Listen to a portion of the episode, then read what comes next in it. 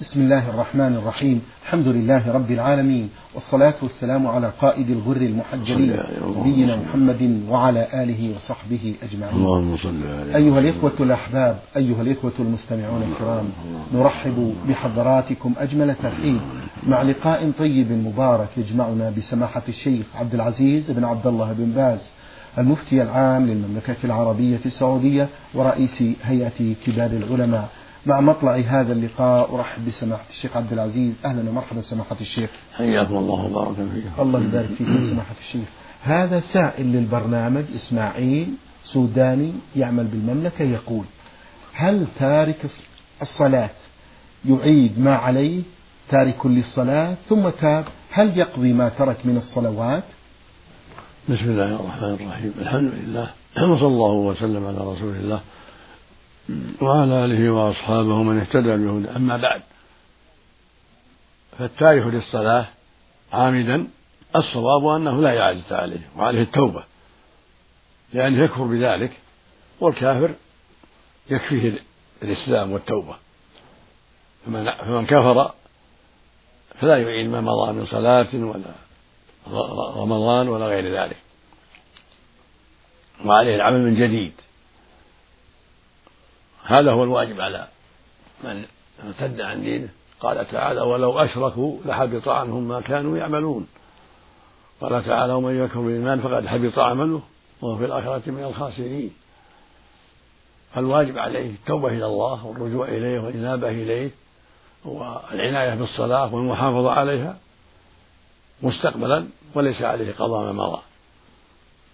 لقول النبي صلى الله عليه وسلم بين الرجل وبين الكفر والشرك ترك الصلاة. أخرجه مسلم في صحيحه. ولقوله عليه الصلاة والسلام العهد الذي بيننا وبينهم الصلاة فمن تركها فقد كفر. أخرجه الإمام أحمد وأهل السنن بإسناد صحيح. وقوله صلى الله عليه وسلم رأس الأمر الإسلام وعموده الصلاة. والأدلة في هذا كثيرة. فالواجب على كل مسلم وعلى كل مسلمة العناية بالصلاة والمحافظة عليها في أوقاتها. هذا هو الواجب على جميع المسلمين رجالا ونساء. الواجب العناية بالصلاة والمحافظة عليها في الوقت لقول الله عز وجل حافظوا على الصلوات والصلاة الوسطى يعني العصر وقوموا لله قانتين. ولقوله جل وعلا وأقيموا الصلاة وآتوا الزكاة وأطيعوا الرسول لعلكم ترحمون. ولقوله عليه الصلاة والسلام وأقم الصلاة إن الصلاة تنهى عن الفحشاء والمنكر. ولما تقدم من الأحاديث نعم. جزاكم الله خيرا سماحة الشيخ هذا السائل يقول أنا مصري ومقيم في عمان وأريد أن أخرج زكاة شهر رمضان زكاة الفطر عن أولادي الذين هم في مصر هل يجوز ذلك؟ إيه إيش؟ يقول بأنه مصري ومقيم في عمان ويريد أن يخرج زكاة شهر رمضان زكاة الفطر عن أولاده الذين في مصر هل يجوز ذلك؟ نعم عليك أن تخرج الزكاة عنك وعن أولادك في عمان والحمد لله. لأنهم تبع لك فعليك أن تخرج زكاة الأولاد والزوجة معك وإن كان الجميع في مصر أو في غير مصر. هم تابعون لك فعليك أن تخرج الزكاة عنه في محلك. زكاة الفطر نعم. جزاكم الله خيرا. في سؤاله الثاني يقول سماحة الشيخ عندما نصلي المغرب والعشاء جمع هل نصلي الوتر مباشرة أم لا؟ نعم إذا صلى المسلمون العشاء مع المغرب جمعا للمطر أو الوحل أو صلى المسلم العشاء مع المغرب للمرض أو للسفر فإنه يصلي بعدها الوتر يصلي سنة المغرب ثم يصلي سنة العشاء ثم يصلي الوتر ويتهجد وإن كان في البلد يصلي التراويح إذا جمعوا لأجل مشقة المطر أو الوحل والطين إذا صلوا العشاء مع المغرب مقدما صلوا بعدها التراويح والحمد لله. نعم. جزاكم الله خيرا. السائل أخوكم في الله أبو علي له مجموعة من الأسئلة يقول في هذا السؤال عندنا الأرض ترابية فنقوم بحفرها لتسوية القبور ونبنيها بطوب محروق. ما رأيكم؟ سماحة الشيخ عبد العزيز. نعم. يقول عندنا الأرض ترابية فنقوم بحفرها لتسوية القبور ونبنيها بطوب محروق. ما رأيكم بذلك؟ الواجب أن تحفروا فقط. أما البناء لا تبنوا شيء. الرسول نهى أن يجسد القبر وأن يقعد عليه وأن يبنى عليه ولكن تحفرون حفرا إلى نصف القامة مثلا ثم يجعل فيها لحد ثم يدل الميت يجعل في اللحد ويصب عليه اللبن ثم يهال عليه التراب ويرفع عن الأرض قدر شبر الطين حتى يعرف أنه قبر ويجعل عليه النصائب في أطرافه لحفظ ترابه. أما يبنى عليه شيء لا يبنى عليه شيء.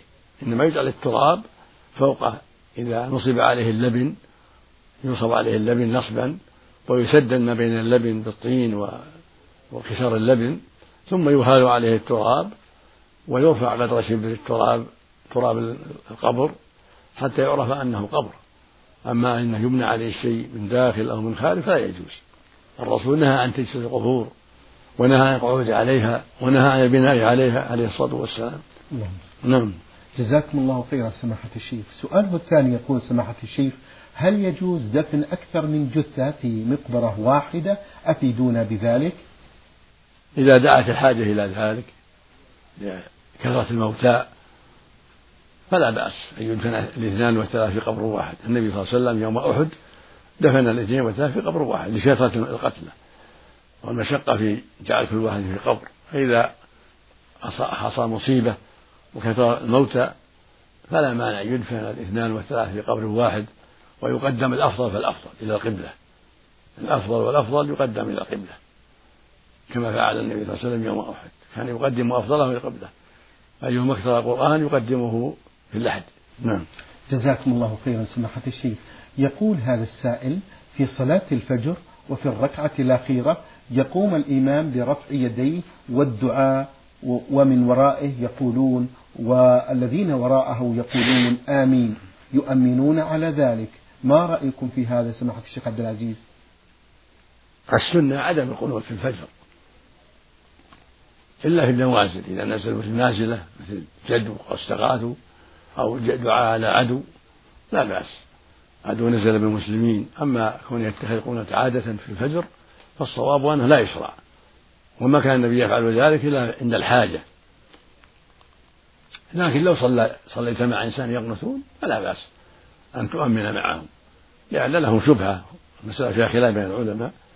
فإذا صليت مع جماعة يقنطون في الفجر فلا بأس أن تصلي معهم ولا بأس أن تؤمن على الدعاء معهم لأن لهم شبهة في ذلك ولأن بعض أهل العلم رأى ذلك. نعم. جزاكم الله خيرا سماحة الشيخ. السائلة التي رمزت لاسمها بقاع عبد الله عين من مدينة أبها تقول كنت صغيرة وسرقت سلسلة من الذهب والآن لا أعرف أصحابها كيف العمل في ذلك؟ إذا كنت لا تعرف أصحابها صدقي بها عنهم صدقي بالسلسلة عن أصحابها أعطيها بعض الفقراء بالنية عن صاحبها المجهول. فيكون له أجر ذلك وأنت تبرئي من ذلك مع التوبة إلى الله والندم. عليه التوبة والندم ما فعلت والعزم لا تعودي وأن تصدقي بها على بعض الفقراء بالنية عن أصحابها. جزاكم الله خيرا. آه هذه السائلة سماحة الشيخ تقول امرأة تنجب دائما في شهر رمضان ويشق عليها القضاء لانشغالها بالأولاد وأمور البيت. ماذا عليها أن تفعل؟ عليها أن تقضي واجب عليها أن تقضي حسب الطاقة. ولو كانت ولدت في سنتين أو ثلاث كلها في رمضان فاتقوا الله ما استطعتم. تأجل إذا عجزت أجل حتى يتيسر لها القضاء. وإذا استطاعت وجب أن تقضي. لكن لو شغلت بالأطفال وشق عليها الصوم فإنها تؤجل حتى رمضان حتى بعد رمضان ما فيه أولاد ما فيه مشقة. فاتقوا الله ما استطعتم. يقول جل وعلا ومن كان مريضا أو على سفر فعدة من أيام لها والمرضع مثل المريض. المرضع مثل المريض. لها أن تؤجل حتى تستطيع. نعم. جزاكم الله خيرا سماحة الشيخ. السائل الذي رمز لاسمه بميم باء عين يقول ما حكم لبس الساعة التي في بعضها ذهب؟ أي في الأطراف؟ والقلم الذي يستخدم أيضا فيه ذهب؟ ما حكم استخدام مثل هذه الأشياء؟ الساعة المذهبة لا تصلح للرجال للنساء خاصة. الساعة المذهبة لكل الرجال لقول النبي صلى الله عليه وسلم وحل الذهب والحرير لإناث أمتي وحرم على ذكورهم. ولما رأى رجلا في يده خاتم من ذهب طرحه وقال عليه الصلاة والسلام يعمد أحدكم إلى جمرة من نار فيضعها في يده فليس للرجل أن يلبس الذهب لا خاتما ولا غيره ولا ساعة ولا غيرها.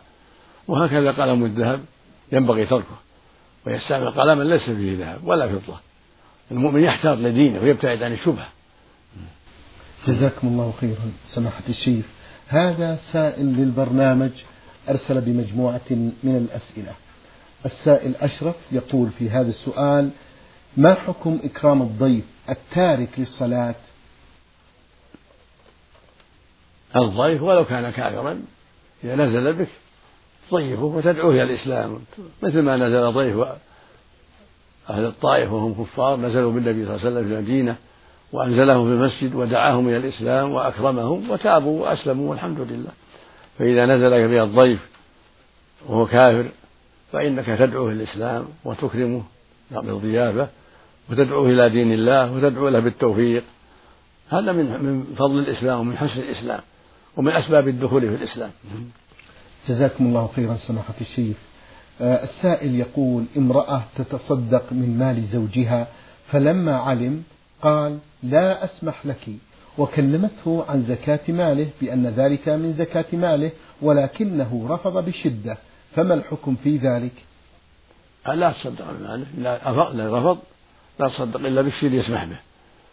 والذي لا يسمح به لا تصدق به. أما إذا اتفقوا فهم شركاء في الأجر. إذا سمح فهي شركة له أجره بما أنفق له أجره بما اكتسب ولها أجرها بالمساعدة في النفق. والخازن الخادم معهم شريك أيضا إذا توافقوا على هذا الشيء. أما إذا منعها فإنها لا تصدق بمال من ماله إلا بما شيء إلا بالشيء الذي جرت العادة بالصدقة بسماحه. فضل الطعام فضل الغداء فضل العشاء اللي جرت العادة بأنه يسمح به. أما شيء لا يسمح به فلا تصدق به عليه السمع والطاعة. لقول النبي صلى الله عليه وسلم ليس للمرأة عطية إلا بإذن زوجها يعني من ماله. ولكن لا مانع أن تنصحه تقول يا فلان هذا خير وهذا تعاون البر والتقوى لعلك تسمح لي أو تحدد محد تقول اسمح لي تصدق اليوم بعشرة بعشرين أتصدق بشيء من الطعام تتفق على شيء بالأسلوب الحسن بالكلام الطيب لعل الله يهديه حتى يسمح لها. فإن أصر ولم يسمح فليس لها أن تصدق من ماله بشيء ولكن تصدق من مالها هي. نعم. جزاكم الله خيرا سماحة الشيخ. هذا السائل المصري الحقيقة أرسل بمجموعة من الأسئلة وكتب هذه الأسئلة بأسلوبه الخاص. يقول سماحة الشيخ كنت في موقف صعب آخر السنة في الجامعة بالنسبة للنجاح والرسوب فنذرت إذا نجحت بأن أصوم كل يوم خميس دائما فنجحت والحمد لله وصمت عدة سنوات ولكنني لم أستطع الاستمرار لعدة أسباب وظروف ومنها المرض. هل من حل وهل يوجد كفارة؟ علما بأنني لا أستطيع الاستمرار على ذلك مستقبلا. وجهوني يا سماحة الشيخ. الواجب عليك أن تستمر. لقول النبي صلى الله عليه وسلم من نذر أن يطيع الله فليطعه. هكذا قال صلى الله عليه وسلم رواه البخاري في الصحيح. من نذر أن يطيع الله فليطعه ومن نذر أن يعصي الله فلا يعصه. بل رواه مسلم في الصحيح. المقصود أن أن عليك الوفاء بالنذر. فإذا عجزت عجزا كاملا لا تستطيع صيام النذر ولا صيام رمضان. عجز بره فعليك كفارة يمين عن عن النذر المعجوز عنه. كما قال ابن عباس رضي الله عنه مرفوعا من نذر نذر لا يطيقه فكفارته كفارة يمين أما ما دمت تستطيع رمضان عليك أن تصوم أيام الخميس. الذي نذرت. والله يقول جل وعلا فاتقوا الله ما استطعتم. ويقول جل وعلا يا أيها الناس اتقوا ربكم. فمن نذر أن يطيع الله فعليه يطيعه وعليه يوفي بالنذر ومن يعصي الله فلا يعصي نعم. جزاكم الله خيرا سماحة الشيخ. من أسئلة هذا السائل يقول ما حكم المال المؤخر والغير مقبوض من المهر؟ إيش؟ يقول ما حكم المال المؤخر والغير مقبوض من المهر؟ هذا حكم حكم الديون إن كان على مؤسر على زوج مؤسر متى طلبته أعطاها إياه عليها زكاته. فإن كان على معسر أو ليس لها حق فيه إلا بعد حضور الأجل يعني بينه وبينها أجل إلى الطلاق أو إلى الموت فإنها غير قادرة فليس عليها زكاته. كالدين الذي على مؤسر أما الدين المؤجل في التجارة والبيع والشراء فهذا يزكى إذا كان على مؤسر أما الدين اللي بين المرأة وبين المرأة والرجل إذا كان لها دين عليه وهو معسر فليس لها فليس عليها زكاة. أو مماطل ما أعطاها الدين ليس عليها زكاة. أما إذا كان مؤسر وليس بمواطن فعليها زكاة الدين الذي لها على زوجها. والخلاصة أن الدين إذا كان على معسر أو إنسان مماطل فلا زكاة على صاحبه. أما إن كان الذي عليه الدين مؤسر ومتى طلب أدى سلم فإن على صاحب الدين أن يزكي هذا الدين كأنه عنده. نعم. جزاكم الله خيرا سماحة الشيخ. يقول السائل ما حكم بيع السلعة بالتقسيط مع رفع ثمنها عن السعر الأصلي؟ لا بأس. إذا باعها بتقسيط وزاد في الثمن لا حرج لأن بيع الأجل غير بيع بيع النقد. فإذا كانت سيارتها تساوي خمسين ألف نقدا وباعها ستين ألف وسبعين ألف في كل ساعة كذا وكذا أو في كل شهر كذا وكذا فلا حرج في ذلك. داخل في قوله جل وعلا يا أيها الذين آمنوا إذا تداينتم بشيء إلى أجل مسلم فاكتبوه. لا بأس به. هذا بأجل بعدين ولا حرج. واحتبس عنه صلى الله عليه وسلم أنه أقر أهل بريرة لما باعوها بالسعواق. كل عام أقية باعوها نفسها بتسع أواق تسع سنين كل سنة أقية أربعين درهم. هذا نوع من التقصير نعم. جزاكم الله خيرا سماحة الشيخ. في أسئلة هذا السائل من جمهورية مصر العربية يقول متى تبدأ النفقة على الزوجة؟ هل هو من العقد أم من الدخول عليها؟ يبدأ من الدخول عليها. إذا دخل عليها بدأت وصارت تحت تصرفه. وتحت نفقته تبدأ النفقة عليها. أما ما دامت عند أهلها فلا نفقة لها إلا إذا كان التأخير منه هو الذي أخرها. أما إذا كان امتنع منهم طلبوا منه أن تأجيلها فإن النفقة عليهم. أما إذا هو هو الذي تركها عندهم متساهلا فالظاهر أن عليه النفقة لأن هذا التساهل يشبه أن يكون فرارا من من النفقة قد دخلت في عصمته. والله جل وعلا أمر بالمعاشرة بالمعروف قال وعاشروهن بالمعروف. وليس من المعروف أن لا ينفق عليها. وقال النبي صلى الله عليه وسلم ولهن عليكم رزقهن وكسوتهن بالمعروف. وهذا يعم المدخول بها وغير المدخول بها. إلا إذا كان بقاؤها عند أهلها باختيارهم ورغبتهم هم فالنفقة عليهم. جزاكم الله خيرا سماحة الشيخ. في آخر أسئلة هذا السائل من جمهورية مصر العربية يقول ما حكم الإكرامية؟ وهي أن يعطي الرجل الأجير أكثر من أجره طواعية منه. هذا يشكر عليه. إذا أعطاه فوق أجره لأنه ناصح لأنه مجتهد فيقول النبي صلى الله عليه وسلم إن خيار الناس أحسنهم قضاء. فإذا كان الأجير جيد وناصح وزاده في الأجرة هذا من مكارم الأخلاق. جزاكم الله خيرا. هذا السائل من آه، السودان رمز لاسمه بألف عين حاء. يقول أجبرني والدي على الزواج من قريبة لي ولكنني لا أحبها وهي لا تصلي ولي منها ثلاثة أولاد وهي تكره أمي ماذا أفعل معها مأجورين؟ إذا كانت لا تصلي وأنت تصلي فالنكاح غير صحيح. اللي لا يصلي كافر. إذا كنت أنت تصلي والحمد لله وهي لا تصلي فالنكاح غير صحيح وأبعدها إلى أهلها وسوف يرزقها الله خيرا منها. من ترك شيء لله عوضه الله خيرا منه. يقول سبحانه من يتق الله يجعل له مخرجا. ويرزقه من حيث لا يحتسب. ويقول سبحانه من يتق الله يجعل له من أمره يسرا. فأبعدها والتمس غيرها من المصليات وأبشر بالخير. وأولادك تابع لك لأجل الشبهة أولادك منها أولاد لك وتابع لك. ونسبهم صحيح. ولكن فارقها أعطها وثيقة بطلقة واحدة. والله واسأل ربك أن يبدلك خيرا منها. واسأل الله لها الهداية. نعم.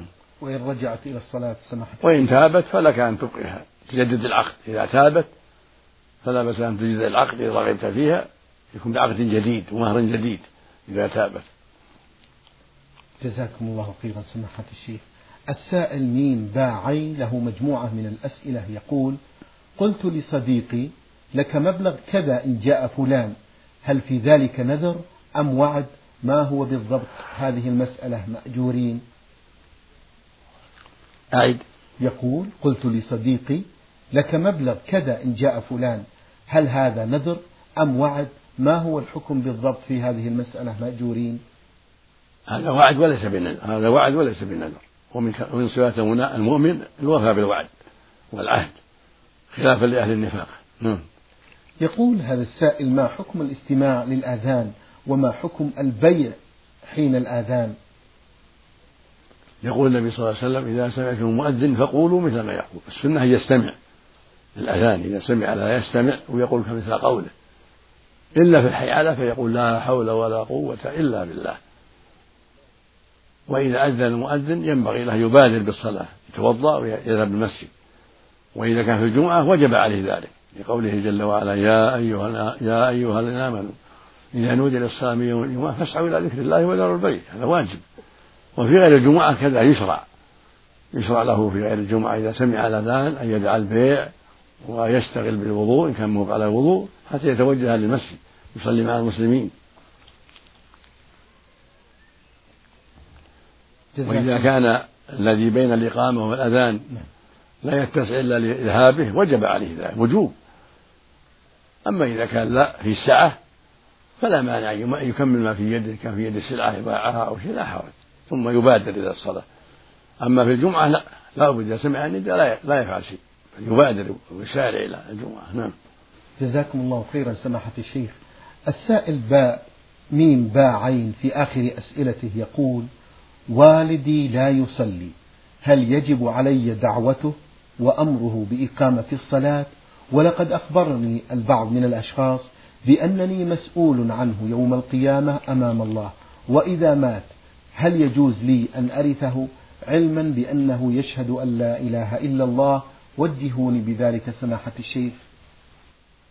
الواجب عليك دعوته إلى الله ونصيحته بالأسلوب الحسن بالرفق والكلام الطيب كما قال الله جل وعلا أن اشكر لي ولوالدي المصير وإن جاهداك يعني مشركين الوالدان مشركان وإن جاهداك على أن تشرك بي ما ليس بهم فلا تطعهما وصاحبهما في الدنيا معروفة. فأمر بمصاحبة الوالدين الكافرين في الدنيا معروفة. فعليك أن تصاحبه بالمعروف بالنصيحة بالتوجيه بالرفق وتستعين بالإخوان الطيبين حتى ينصحوه أيضا من أقاربه من إخوانه من أعمامه. لعل الله يهدي بأسبابكم والرسول يقول صلى الله عليه وسلم من دل على خير فله مثل أجر فاعله ويقول صلى الله عليه وسلم لعلي رضي الله عنه لا أن يهدي الله بك رجلا واحدا خير لك من حمر النعم. فاجتهد. واصدق مع الله واسأل ربك له الهداية في سجودك وفي أهل الصلاة وفي غير ذلك من الأوقات. تسأل ربك أن يهديه وأن يشرح صدره للحق وأن يعينه على قبول الحق. اجتهد في ذلك. واصبر وصابر. نعم. ولا ترثه. إذا مات على كفر لا ترثه. الصحيح أنك لا ترثه لأن تارك الصلاة كافر. فإذا كان كافرا فإن المسلم لا يرث الكافر يقول النبي صلى الله عليه وسلم لا يرث المسلم الكافر ولا الكافر المسلم. وقد اختلف العلماء في من ترك الصلاة تساهلا لا جحدا لوجوبها فذهب بعض أهل العلم إلى كفره كفرا أكبر وهذا هو الأرجح وذهب آخرون إلى أنه لا يكفر إلا كفرا أصغر إذا كان لا يجحد وجوبها والأرجح أنه يكفر كفرا أكبر ولا ترثه منه إذا كنت تصلي وهو لا يصلي. نعم. الله. جزاكم الله خيرا سماحة الشيخ عبد العزيز. السائل محمد ألف ألف يقول أديت العمرة؟ وبعد خلع ملابس الإحرام أحرمت بالعمرة لوالدي ما حكم عملي؟ ووالدي حي يرزق. إذا كان والدك يستطيع أن يعتمر لا لا تعتمر تكون العمرة لك ثانية. أما إذا كان عاجز هرم لا يستطيع العمرة أو ميت فلا بأس. جزاكم الله خيرا سماحة الشيخ. هذا السائل الذي رمز لاسمه بميم عين تاء يقول من أخذ مكافأة لقاء عمله في المدارس الليلية لكنه لم يقم بالواجب كاملا فتصدق بأكثر المال هل عمله صحيح؟ عليه التوبة والصدقة لأنه قصر في الواجب فيصدق بما يظن أنه يقابل ما ضيع ومع التوبة إلى الله ويرد ذلك إلى صاحب المال فهو الواجب أن يرد ما زاد على عمله إلى من أعطاه المال ويستسمح ويقول إني قصرت وهذا إلا إلا سمح له. صاحب المال الذي أنفق المال وسمح له قال ولو أنا سامح به لك فلا بأس. أما إذا كان لا يسمح أو هذا المال من بيت المال فلا يجوز. صاحب الحق يرده إليه وإن كان بيت المال يصدق به. على الفقراء ولا يأخذ إلا ما يقابل عمله. نعم. شكر الله لكم سماحة الشيخ وبارك الله فيكم وفي علمكم ونفع بكم المسلمين. أيها الإخوة الأحباب أيها الإخوة المستمعون الكرام أجاب عن أسئلتكم سماحة الشيخ عبد العزيز بن عبد الله بن باز المفتي العام للمملكة العربية السعودية ورئيس هيئة كبار العلماء. شكر الله لسماحته على ما بين لنا في هذا اللقاء وبارك الله فيه وفي علمه ونفع به المسلمين. اللهم آمين. وفي الختام تقبلوا تحيات زميلي مهندس الصوت سعد عبد العزيز خميس. والسلام عليكم ورحمة الله وبركاته.